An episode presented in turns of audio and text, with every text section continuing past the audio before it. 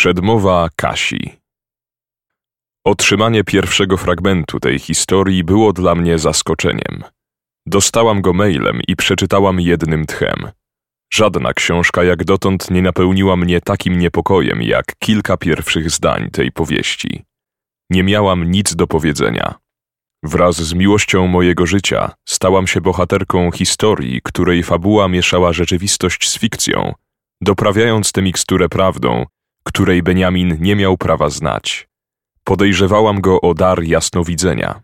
Dosyłając kolejne fragmenty, nikczemnie zabawiał się naszymi emocjami, znęcał się nad naszym losem, dostarczając nam doznań bardziej rzeczywistych niż kino 4D.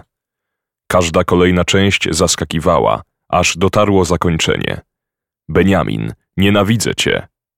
Katarzyna Miłek-Kołyszko